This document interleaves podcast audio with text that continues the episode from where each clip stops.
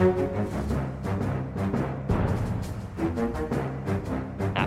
nei, men da, da ruller vi egentlig i gang, gjør vi ikke det? Jo. Jo. Ja. Kjør på. Da ønsker vi velkommen til denne ukens eh, Aftenpodden. Eh, velkommen eh, tilbake, Trine Eilertsen. Takk.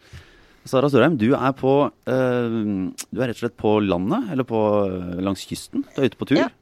Ja, jeg står akkurat nå og skuer utover horisonten på noe så sjeldent som en eh, strålende soldag eh, sommeren 2016.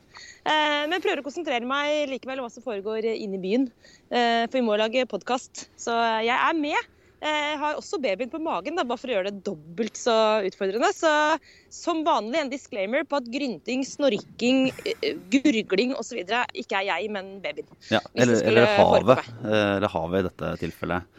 Um, ja, jeg har jo da Jeg som heter Lars Glomnes, som vanlig eh, er på plass. Jeg har, vi snakket jo før sommeren om den tradisjonelle journalistiske øvelsen å avbryte ferien når noe veldig viktig skjer.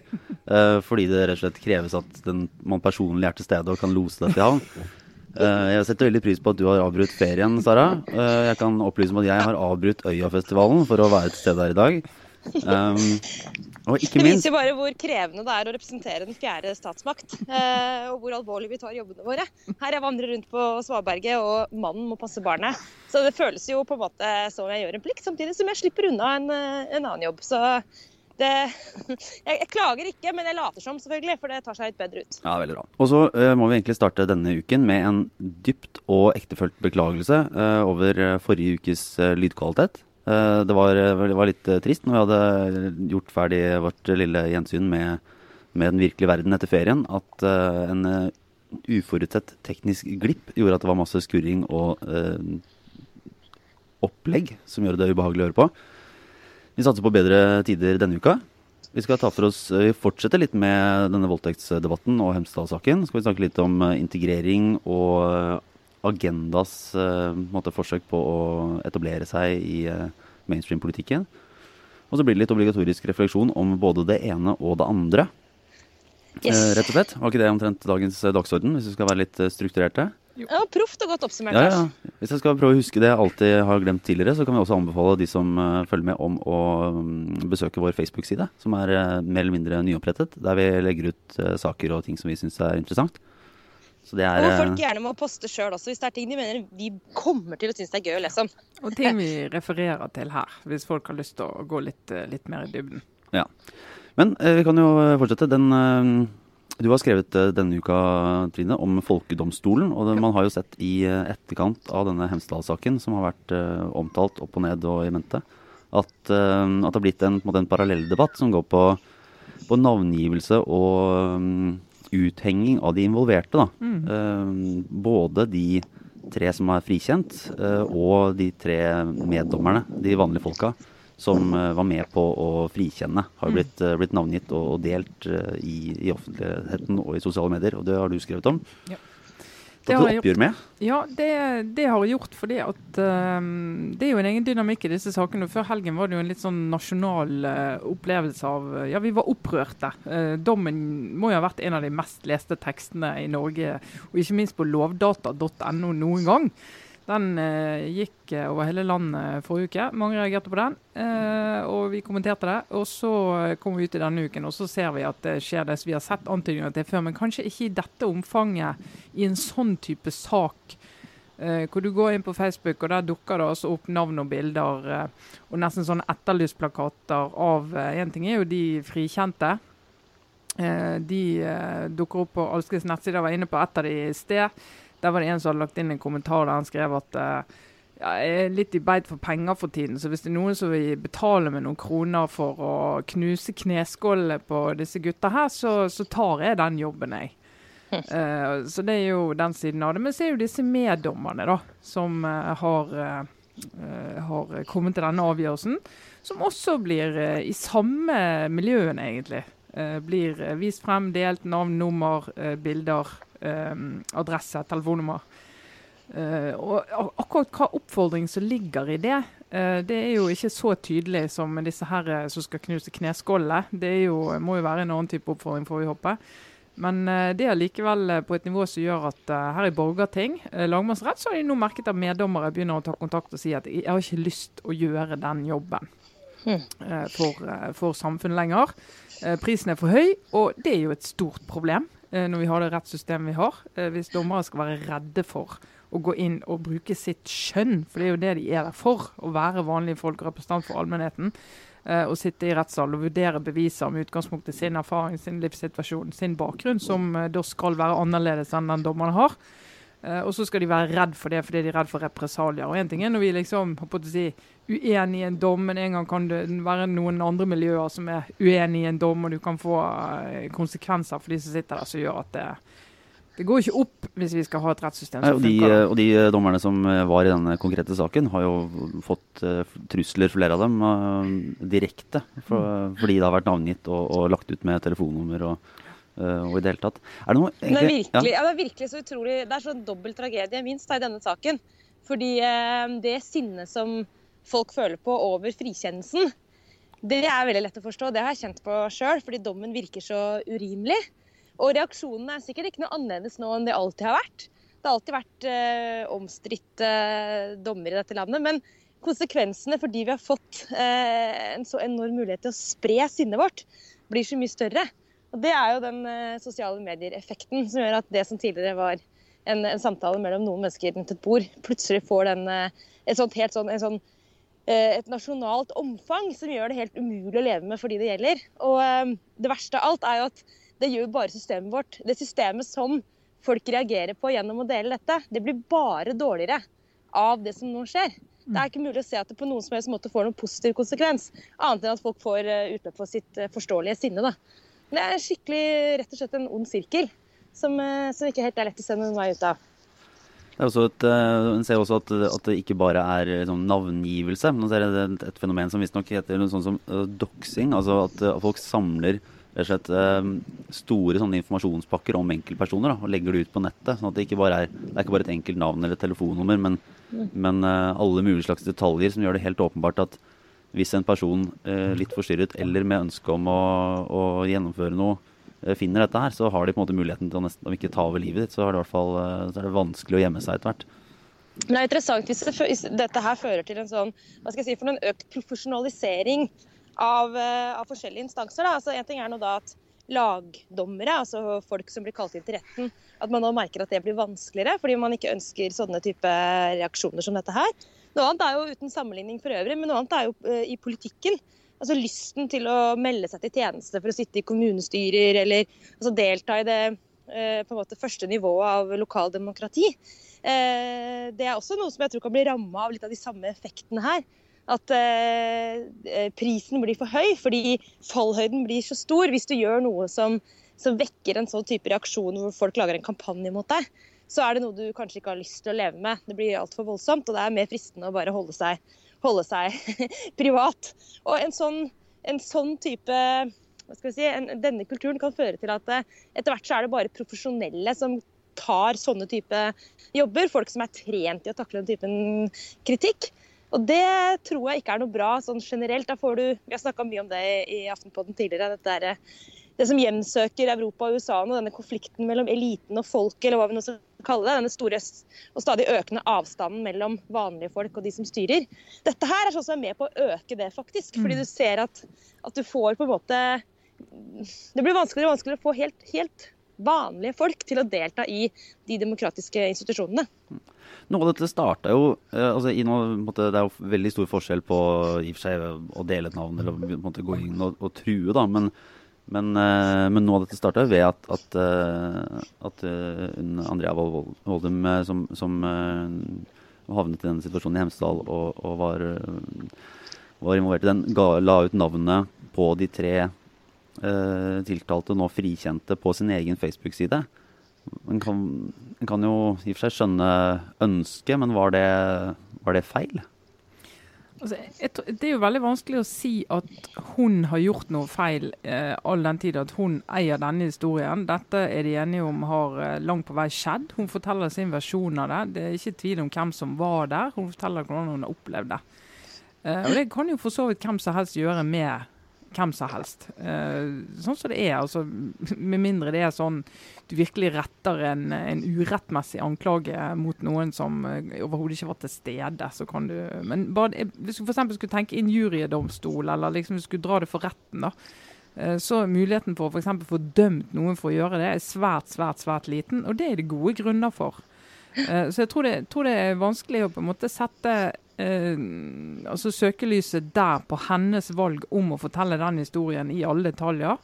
Eh, og på en måte som f.eks. vi i pressen aldri ville gjort. Eh, ville jo aldri funnet på å offentliggjøre de navnene. Og det er det jo gode grunner til, for vi skal jo ta hensyn til flere enn den ene kilden. Eh, vi skal jo også ta hensyn til de som da er frikjent. Vi skal ta hensyn til familien deres, til barna deres, som skal google de resten av livet og finne ut hvilken sammenheng de, de, er blitt nevnt i. Uh, men det er jo alle andre da, som uh, tar de navnene med seg og, og lager en, en, eh, en, digital reise av dette og en digital gapestokk av dette. Det er ikke noen tvil om at det har, har fyrt opp ordentlig. i hvert fall. Bare, I går, så, altså på, på, onsdag, så var det jo saken om at tidligere ordføreren i Trondheim og høyrepolitikeren, altså Anne Katrine Slumgård, eh, hun navnga vel ikke, for, for det man vet, men fyrte seg i hvert fall opp på Facebook. og og skrev, eh, og skrev, jo da at uh, følgende Altså, jeg blir fysisk syk av dette, rett og slett. Spyklein og frustrert forbanna. Jeg håper inderlig at noen tar disse tre jævlene, rundbaner og kjølhaller, gjerne hver gang de viser seg offentlig. Ja. Det, ja, det, det, er sikkert mange som har uh, følt på det samme. Og, men, men, det er jo én ting å mene sånn det ikke er navn. Det er jo mm. faktisk uh, mye greiere enn når det er, er navn. da. Når, og når det er identifiserte personer. Men det er også viktig, eh, som du var litt inne på, Trine, synes jeg, å skille mellom det Altså offeret i denne saken. Eh, jeg tenker at når du kommer i den situasjonen hun er i, så eh, syns jeg ikke det er mulig nesten å klandre henne for å liksom, kjempe med de midlene hun har. da. Det er et eller annet med at vi som, som du var inne på, Trine, som er ansvarlige i en, i en, redaksjon, har noen regler å forholde oss til. Men, men vi kan ikke kreve at privatpersoner for så vidt forholder seg til Vær varsom-plakaten osv. Men skillet her går på Så at jeg mener at hun offentliggjør og at hun eh, på en måte slåss, da.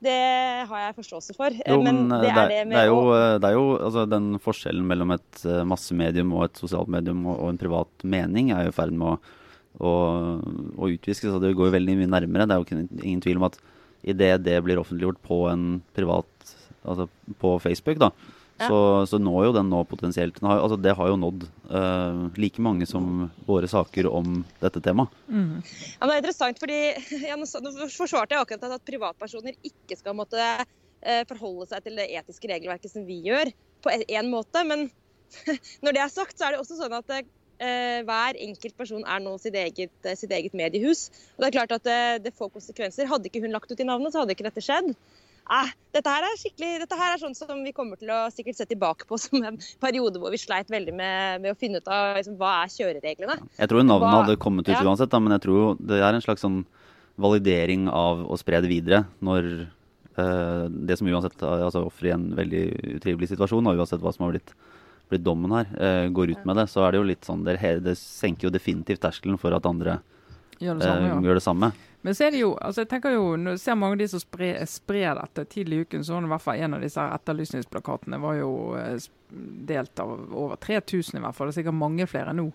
Eh, så håpet, da, litt sånn naive håpet kanskje, er jo at det at vi har denne runden og diskuterer disse tingene nå, gjør at når det dukker opp i feeden så vet, vi vet, jo hvor enkelt det er å bare like noe og dele noe så du sånn fra magefølelsen tenker at dette har jeg sympati med. Uh, men at du i hvert fall altså, Flere enn journalister og redaktører må trenes opp i at når du får informasjon, så må du ta en liten sånn vurdering av hvordan du håndterer det, og hvordan du tar det videre. da. For vi har jo, altså Hvis noe skjer, da, hvis det sitter en uh, luring der ute uh, som mangler penger, og som er villig til å knuse noen kneskåler og vel så det, eller en som rett og slett ikke er i vater og finner ut at dette er jo en måte å, å få både oppmerksomhet på og få, bli en eller annen form for helt Eh, på, og noe skjer. Hva, hva, hvor skal vi plassere skyld? Hvor skal vi plassere ansvar? Altså, ja, det var den personen som gjorde det, men det er jo noe med at det er et sånn kollektiv som har vært med å, å hisse opp og øse opp. og å legitimere denne aggresjonen mot personer. Da. Vi kommer litt tilbake jo, til eh, ja, verdens mest aggressive ja, mer verdens mest aggressive menneske om dagen. Donald Trump har jo beveget seg inn i dette landskapet, men det skal vi vel komme tilbake til, egentlig. Eh, men lurer på, Vi får vel eh, fortsette litt til eh, Det nærmer seg, nærmer seg hverdagspolitikk. Det går sakte, men sikkert mot høsten. Og mm. måte, at vi kommer tilbake i gjenge. Ja. Og nå har jo da denne tank, hva heter det, Er det Tankesmien eller Tenketanken Agenda? denne venstre sentrumsanretningen har benytta de rolige Det er faktisk Tankesmien med ja. liksom borgerlig borgerlig endelse her. Altså, det er ikke tankesmia, det er tankesmien agenda. Pussig nok. Eh, de har i hvert fall fått med seg, eh, fått med seg eh, Venstre, KrF, Arbeiderpartiet og SV mm. på å gå sammen om en slags integreringspolitisk plattform. Som praktisk nok ble presentert i en uke der det skjer veldig lite i nasjonal politikk, og rett før Arendalsuka, så da får de jo litt blest. Ja, vi snakka jo om det forrige uke, at eh, det har vært eh, veldig få utspill denne sommeren. Nå har jo nyhetsbildet kanskje heller ikke lagt til rette for det. Det har vært en dramatisk sommer sånn sett. Men det har ikke vært så mange som har prøvd å liksom ta oppmerksomheten på den hjemlige politiske arenaen mens alle andre har ferie, som vi ofte har sett før. Men her kom altså Agenda med et forsøk, da. Men eh, var det et godt forsøk? Jeg må innrømme at den eh, det var ikke det første jeg leste da jeg gikk inn på internett her på, her på landet, for å si det sånn.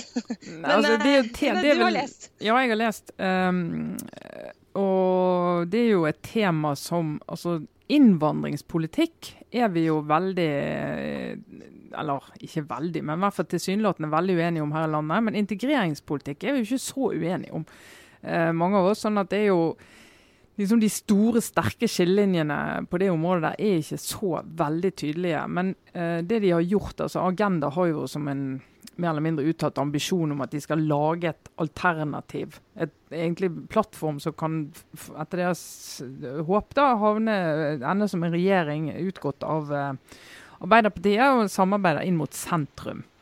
Uh, og jo, jobbe litt sånn som Civita gjorde før uh, forrige valg, hvor de samler uh, ikke, ikke, partiledere fra disse partiene, for det er jo altfor touchy å gjøre det, men at du samler politikere for litt lavere nivå, ungdomspolitikere, fra de partiene du mener bør samarbeide mer, og få de til å jobbe sammen, og jobbe sammen ut litt policy, som det heter på, på amerikansk, som er litt annerledes enn politikk.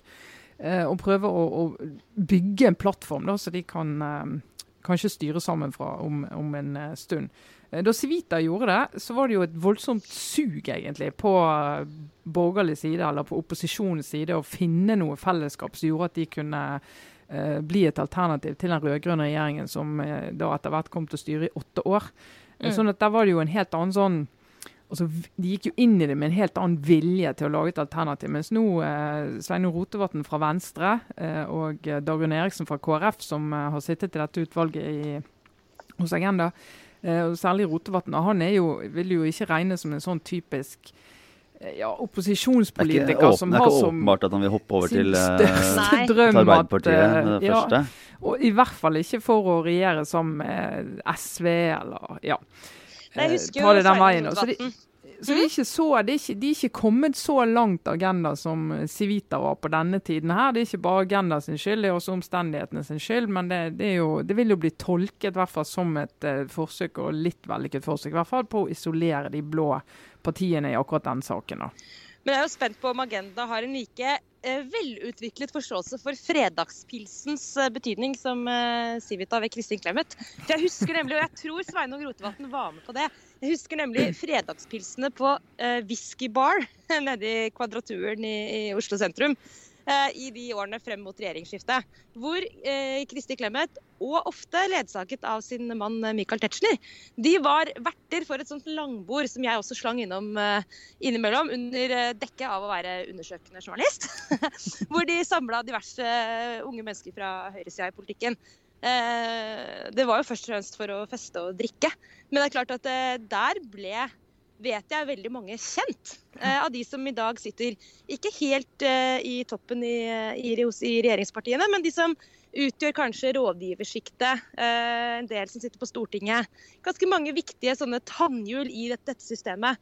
Eh, som rett og slett bare ble gode busser. Mm. Eh, mens Kristin Clemet sto og hoverte, holdt jeg på å si, sto og hang i baren og hadde kortet sitt eh, liggende der og var ekstremt raus og morsom.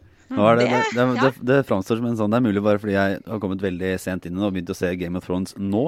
eh, at jeg får en sånn middelaldersk følelse av den, den scenen du tegner nå av, eh, av Kristin Clemet og Michael Tetzschner ved enden av et bord. Sitter og Altså, i denne, spiser sånne, denne spiser sånne hele, helstekte villsvin. Ja. Dra på deg noen kostymer, så er vi der. Ja. Christer Clemet er i så fall Tyrion eh, Lannister. Eh, hva Michael Tetzschner blir da, det, det vil jeg ikke spekulere i. Men, eh, men en, en klok strateg er jo, er jo Clemet, helt åpenbart. Og eh, jeg tror faktisk at eh, den eh, evnen hun hadde og har fortsatt til å skape sosiale bånd, altså rett og slett få folk til å henge ut sammen, det har vært ganske viktig, kanskje litt undervurdert nesten, altså i i hvordan den eh, borgerlige regjeringen eh, kunne se dagens lys. Men nå vet jeg jo at Arbeiderpartiets folk er ekstremt drevne på fredagspilsing. Så hvis, hvis Men, men eh, de, de er jo vant til- å drikke med sine egne mer enn med andre, tror jeg. Men det, men det De må lære seg å drikke med SV-ere og KrF-ere. Ja, særlig KrF-ere. Hvis du lærer deg å drikke. med de, så er har du kommet langt. det. Er oppoverbakke. Det, det er lyspunkt der òg. Men altså, bare for, vi skal se litt på substansen i dette. Så Kjetil Raknes tidligere, han har jo vært gjest her, tidligere statssekretær i, i SV også. Han mente at dette var det, mest, det beste som var kommet fra Agenda siden de startet, og i hvert fall det nyttigste med tanke på et litt sånn gjenoppliving av eh, venstresiden, og kanskje først og fremst eh, hans eh, parti. Og Da var jo argumentet det at, altså, som du har vært inne på, Sara, før, at venstresiden og SV er nødt til å få seg en innvandringspolitikk og en Yes. uh, integreringspolitikk som har klangbunn hos Men har de ikke her bare da hoppa på noe som alle er enig i? Det var, er det noe som helst eh, eller noen noe på en måte brannfakler, noe du kan det er jo ikke, Hvem er det de er i konflikt med som de ikke har vært i konflikt med før? det er jo litt med seg sjøl som vanlig, da. Eh, men det er, jo, eh, det er jo Hvis du tar både Venstre og SV, altså, eh, som skal da signere på at eh, eh, ja, dette her eh, hijab i barneskolen, at du liksom uten videre skal jobbe så hardt mot det, det har jo ikke vært en opplagt sak at du skulle gjøre det. Eh, selv om enkeltpersoner har ment det. Eh, og dette her må stille mye mer krav, og gå inn i denne verdidiskusjonen. Hva er felles verdier, og hvordan skal du sikre at eh, de, de som kommer ny til landet, eh, omfavner våre verdier og lever etter de verdiene, og stiller krav til trossamfunn på en annen måte. Som får økonomisk støtte fra staten og sånn.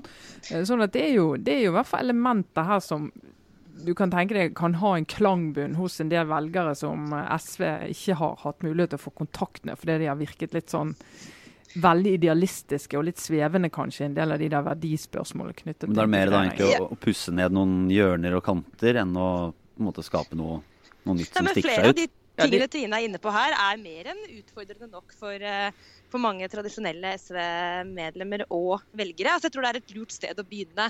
Det er klart det store, som, Den store kursendringen eh, i en eventuelt ny altså innføringen av en ny innvandringspolitikk kan ikke komme for brått for SV. Da tror jeg i hvert fall ikke det lykkes. Så det kan godt være at, eh, at hvis eh, Lysbakken og co. ønsker å si, fornye den delen av politikken i SV, at de må starte litt sånn på, på det som er ganske lett å akseptere, og så gå sakte videre. Eh, Men jeg tror også at det er helt nødvendig hvis de skal bli relevante igjen i et offentlig ordskifte hvor integrering og innvandring er og kommer til å være i er overskuelig sikkert, fremtid. ja, det er sikkert mer en, tema. mer en Klassekampen-sak enn noe annet, kanskje. Men er det noen som har spurt Audun Lysbakken om han er enig i dette, egentlig? Det er jo Bård Vegar Solhjell som er avtroppende på alle måter, som Ja. har eh, dratt gjennom og leda det arbeidet. Er det, Ja, det- er det noen i SV som støtter den, egentlig? Jeg har ikke plukket opp, eh, opp det. og Bård Vegar Solhjell er jo i den høyresiden i SV, om du vil. sant? På en, eh, veldig sånn samarbeidskeen eh, type. og Det er jo ikke alle i SV som mener at det er veien, i hvert fall for de neste årene. da. Men det er, jo, det er jo også interessant å merke seg at det er jo integreringspolitikk de har satt seg ned for å snakke seg sammen om, ikke innvandringspolitikken. Uh, og F.eks. å sette Senterpartiet og SV og Venstre rundt, og Arbeiderpartiet rundt samme bord når det gjelder innvandringspolitikk og hvordan du skal styre strømmen og størrelsen på det. Eh, Senterpartiet har jo eh, de er- ligger jo vel så langt fra eh, SV og Venstre i det spørsmålet som eh, f.eks. Frp gjør. sant? Men eh, det er vel, eh, hvis ikke det var noen eh, helt uh, viktige ting der, så tror jeg vi får nærme oss uh, vår runde med obligatorisk refleksjon. Ja. Rett og slett. Uh, Sara Sørheim på, på bryggekanten i Hvor er du egentlig, sånn omtrent? Jeg skal ikke, do, jeg skal ikke dokse deg, men er du... Du er på Østlandet. Apropos doxing, så oppdaget jo jeg her for en tid tilbake at jeg hadde på stedstjenester på Twitter. Så nå har jeg skrudd av, men uh, det var en, en gravende journalistkollega som uh, kom og viste meg et kart hvor han hadde plottet inn alle mine Twitter-meldinger. Og fått opp da rett og slett hele mitt bevegelsesmønster. Så det var jo kjekt hvor jeg bor og hvor barnehagen er og osv. Mm. Det var Jan Gunnar Furuli i Aftenposten som, som fikk meg til å skru av det. Men, men det til side, jeg befinner meg på Vestfoldkysten. Uh, utenfor Sandefjord. Uh, helt ute i, ute i, havgapet. Og i den der merkelige, merkelige situasjonen at livet rundt meg minner svært lite om noe annet enn uh, svaberg og familieliv og late dager. Men så prøver jeg jo på en måte minne meg selv om at det foregår andre ting. Så det blir jo litt sånn heftig bruk av 4G-nettet her ute. Og det har jeg jo I det siste så er det jo helt umulig å ikke da bruker litt tid på Donald Trump. Og vi må jo komme inn på det her òg i, i, dagens sending. Ja, Det var en veldig fin liten sånn uh, Twitter-bro, uh, som man sier på radiospråket. Ja. Jeg vet ikke. Takk for at du noterte deg det, ja. Lars. jeg, bare, jeg, lar, jeg, lar, lytterne bare gnir litt inn, håper jeg. ja, i tilfelle de ikke fikk det med seg. Nei, altså det er jo, eh, Vi har snakka om det allerede nå, da, det med hvordan sosiale medier endrer det offentlige ordskiftet og kanskje hele samfunnet vårt, for å slå på stortromma. Men uh, ikke minst politisk journalistikk. Og også da måten vi blir kjent med disse menneskene vi velger eller ikke velger til å, å lede oss. Donald Trump har jo vært på Twitter siden 2009. Og det var jo lenge før han begynte å prøve å Ja, nå har ikke han akkurat gjort så veldig sterk innsats for å fremstå som en presidential kandidat, men 2009 i hvert fall lenge før han i det hele tatt var aktuell som um, en som skulle kjempe om presidentjobben. Så man kan jo se hvordan han da egentlig er. Eh, eller får ganske godt innblikk i det gjennom å, å, gå tilbake i hans feed. Men det som er aktuelt akkurat nå, er at uh, det er noen smarte dataanalytikere borte i USA som har gått gjennom hans Twitter-meldinger i det siste, basert på hvilken telefon de er sendt fra. Er, kommer frem, der kommer det fram ganske mye kult. Fordi man kan da spore på samme måte som man kan altså kunne spore deg geografisk, så kan man se i infoen om hver eh, tweet at den kommer fra en spesiell type telefon? Ja, hvis du går inn på bl.a. TweetDeck, som er et sånt program for uh, Twitter, så kan du se om uh, meldingen er posta fra en iPhone eller en uh, Android. Det kommer opp der det står rett og slett bare Twitter for Android. Det som er kult, er, eller interessant, er at Eh, det er to telefoner som poster på Donald Trumps eh, Twitter. Det er en iPhone og en Android. Eh, og når man da mater alle disse meldingene inn i systemer som analyserer tonen og ordene som brukes, altså temaene det tvitres om, så ser man at det er en kjempestor forskjell på de to profilene. Den ene er relativt fornuftig, ganske saklig. Den omtaler faktisk Hillary Clinton med hennes egentlige navn, og ikke Crooked Hillary eller noe annet. Eh, og den er ganske sånn saklig på møt opp der og der i morgen for uh, valgkampmøter. Og til og med sånn type Vi ønsker de amerikanske utøverne lykke til i OL. Litt uh, sånne ting. Eller jeg, da. Alt er i jeg-form. Men det er fra iPhonen. Og så har du Android-meldingene, som er uh, aggressive, oppblåste, til dels eh, langt over streken på alle mulige måter.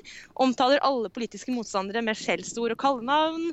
Eh, ligner veldig på den Donald Trump som vi kanskje etter hvert har lært å kjenne.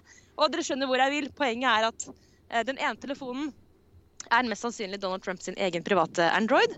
Og den andre tilhører da mest sannsynlig eh, en av hans rådgivere, som desperat prøver liksom å blande blande litt sånn fornuftige ting inn i den her gal manns rablingen som ellers er hans uh, Twitter-vegg.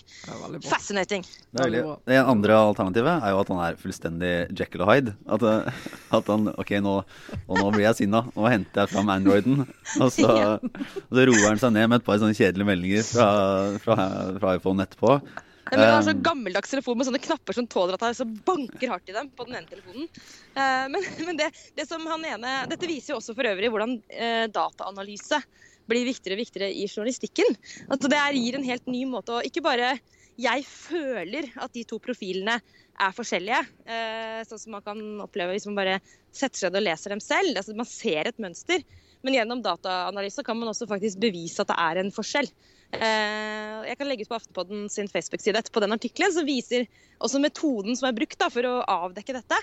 Men som han skriver, han, eh, han eh, dataanalytikeren, lurer på hvordan han eller hun som sitter med den iPhonen, føler det altså, når han gjør denne jobben her.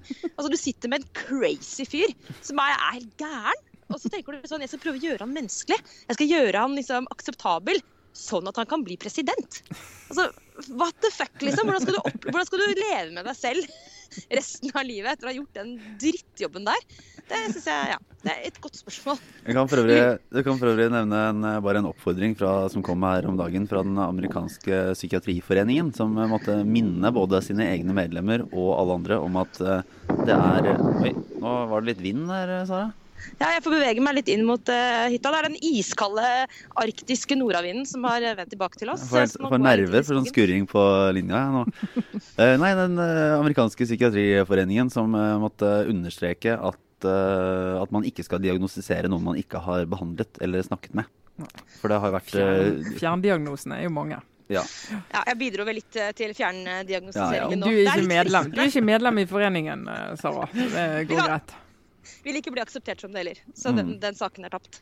Men han er jo eh, Vi snakka litt om før i dag eh, også om dette med humor og hva som er eh, effekten av å si eller poste ting som du kanskje ikke mener så veldig bokstavelig. Og da er det jo som kjent nok en gang naturlig å venne seg til denne, denne, karakteren Trump, som uten at de trenger å bruke altfor mye tid på det, for det har jo preget alle medier nå i flere dager. Men denne kommentaren om The Second Amendment People og Hillary, som jo uansett hvordan det var ment, eh, ikke høres bra ut. Og som er et godt eksempel på ting som eh, du kan si og etterpå si at du ikke mente, men som kan få helt eh, crazy konsekvenser. Ja, eller som du kan Så, si et, et vennlig lag på, i all måte uoffisiell situasjon het, og, men kanskje ikke skal si fra en talerstol når du er presidentkandidat? Det er noe med når Secret Service plutselig kommer inn og blir en aktør i en valgkamp, eh, presidentvalgkamp. Så det er jo eh, så Noen problematiserte i sommer, eh, lurer på om det var britiske aviser som problematiserte etter at eh, Barack Obama hadde konstatert at eh, Donald Trump er uegnet eh, som, til å være president. Eh, og før, altså før skiftet skjer, så blir jo den begge kandidatene brifet om uh, sikkerhetssituasjonen. De får jo gradert informasjon, sånn at mm. de skal være litt uh, up to speed når de kommer uh, eventuelt skal innta embetet. og da skal jo han også få den type informasjon. Så det er litt sånn Ja, men Barack Obama, hvis du virkelig mener dette, hvordan kan du sitte og dele Eh, bidra til at han får eh, så sensitiv informasjon, hvis du mener at han er så uegnet. Så det kan jo være en debatt som kommer opp. Det kan jo være en, et annet litt apropos, fra, som viser noe av Hillary Clintons kanskje utfordringer. Da, for hun er ikke den mest sosialt smidige personen i verden, kan ting tyde på. Hun hadde jo en litt uheldig kommentar i, eh, i 2008, da hun bare hang på i denne primærvalgkampen med Barack Obama og ikke ville gi seg. Der hun bl.a. begrunnet det med at ja, han kan jo bli skutt. ja, ikke at jeg ler av det, okay. men det også er sånn eh, fristende å diagnostisere som en eller annen asosial eh, lidelse. Jeg burde kanskje skjønne at den, den, mannen hele verden driver og jubler for, og, og er i ferd med å bare løpe inn i Det hvite hus. Eh, kanskje bare ja, dropp, dropp uh, attentatpraten. Ja.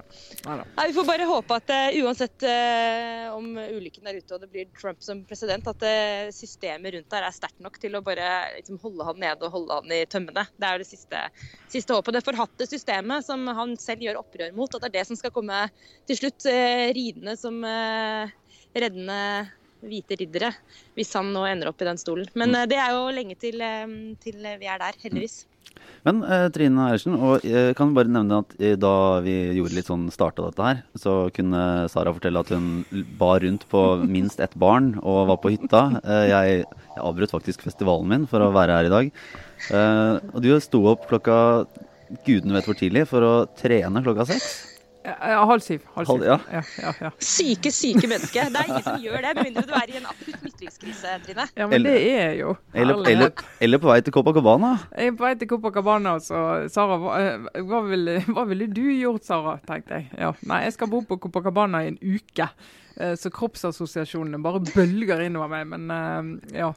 Jeg lover å ikke gå i bikini. Jeg bare lover. Men det som er Men Trine, Trine ja. du kan jo gå i burkini. Jeg kan gå i burkini, det kan jeg gjøre. Som en slags statement for et eller annet som jeg ikke mener. Men jeg kommer til eh, Jeg skal også ned til Rio og følge siste uken i, i OL. Jeg sier følge, men jeg må jo vel si dekke. Være med å dekke. Gjør et uh, ærlig stykke arbeid, du òg. Skal gjør et ærlig stykke arbeid, absolutt. Så jeg skal ikke være i VIP-lounger og suse rundt. Jeg skal gå rundt og uh, prøve å finne noen historier som går an å fortelle. Og det er jo uh, enormt mye å ta tak i. Altså, OL er jo full av sånne enkeltskjebner. Menneskehistorier. Michael Phelps, uh, rise and fall og comeback. Og, så det er så mye, mange sånne historier å ta tak i fra mange land. Eh, Men det som har vært litt diskusjonen de siste dagene, og som jeg ser vi har hatt i Aftenposten, og også mange av de amerikanske mediene, er jo veldig opptatt av denne her kroppsdiskusjonen. Uh, når vi snakker om kropp, så er det jo alltid kvinner vi snakker om. Eh, og Elin Skjeggestad skrev en kommentar, og eh, vi har hatt en sak hvor vi tar opp denne her eh, Altså, Kvinners kropp blir jo kommentert. altså Uansett hva idrett de driver, så klarer liksom ikke en eller annen mannlig sportsjournalist i et eller annet TV-studio rundt omkring å la være å komme inn på hvordan hun ser ut, hva hun har på seg, eh, hvordan hun ser ut sammenlignet med andre. altså Det blir veldig sånn ja, jeg er opptatt av hvordan de ser ut, disse, disse fantastiske jentene da, som har trent i årevis for å komme der og delta i sin sport. Eh, Men som eh, Helene Skjeggestad skriver, at uh, dette OL har faktisk brutt litt med denne forventningen om at spreke jenter er høye og tynne og uh, usedvanlig vakre. For her ser du virkelig, når du går rundt i de forskjellige idrettsgrenene, så ser du at du har én kropp for hver bruk. Eh, og det er ikke den samme kroppen som klarer å løfte den tyngste, de tyngste vektene, som eh, hopper høyest i høyde, eller som løper raskest, eller som svømmer best, eller som eh, en Serena Williams som dessverre røk ut i tennis onsdag. Som jo har en helt annen kropp enn mange av sine konkurrenter, og er mye mer muskuløs. og Dette har blitt kommentert, kommentert i årevis, at hun har stor rumpe og store muskler. og Det er liksom ikke måte på hvor annerledes hun er fremfor å kommentere resultatene hennes. Da. Så vi får jo, altså, vi får jo håpe at liksom en sånn OL som viser frem så mye forskjellige idretter, og så kvinner eh, er så tydelige, at det også kan vise frem forskjellige kroppsidealer. da. Det er utrolig fascinerende å se. Altså, nå har det jo vært eh, veldig dårlig vær eh, for denne hytteferien, så det har betydd veldig mye TV-seing. Eh, så jeg har jo sett eh, helt, helt sånn pinlig mye OL. Senest i går satt jeg og så på bueskyting ganske lenge. Og det også er jo en sånn eh, påminnelse både om hvor mangfoldig idretten er, altså hvor mange øvelser som fins, men også hvor mange forskjellige typer folk som kan hevde seg. Altså De eh, bueskytterutøverne bruker ikke mye tid med å lure i seg astmamedisin og det driver med høydetrening og sånn. Det er litt mer sånn dartspilling på bar preg over, eh, over dem. Men eh, eminente idrettsutøvere med helt, helt fascinerende resultater. Så det, det er en sånn kul sideeffekt av, av OL. Man får et litt bredere blikk inn. Selv om jeg jo savner litt sånn idretter som jeg faktisk reelt bryr meg om. Altså, det er, kanskje, det er kanskje litt mange øvelser, men det kan jo Ja, du men, nå, men nå begynner jo friidrettsuken. Det er jo litt sånn svømming første halvdel, eh, som er den store sporten, men nå er det friidrett. Og friidrett er jo liksom den store, store eh, Kanskje den vi flest ser på av ikke- alle de rare øvelsene som er i OL. Sprint, Men- kanopadling f.eks. Skal du se på det, Sara? Jeg skal se alt, jeg. Jeg kommer til- jeg kommer til å bli innlagt etterpå. Men, eh, men jeg ting jeg skal nevne, det kommer helt sikkert eh, til å prege nyhetsbildet nå i friidrettsuka. Apropos kjønn og i friidrett, så er det jo en eh, veldig komplisert og ganske fascinerende sak som pågår nå, som går rett og slett på eh, hvordan man eh, kan opprettholde to sånne eh, helt atskilte kjønnskategorier. Mm. Fordi det finnes utøvere som utfordrer det. Som ligger helt i grenselandet mellom å være definert som kvinne og definert som mann, når du tar sånne eh, testosteronmålinger, annet. Mm.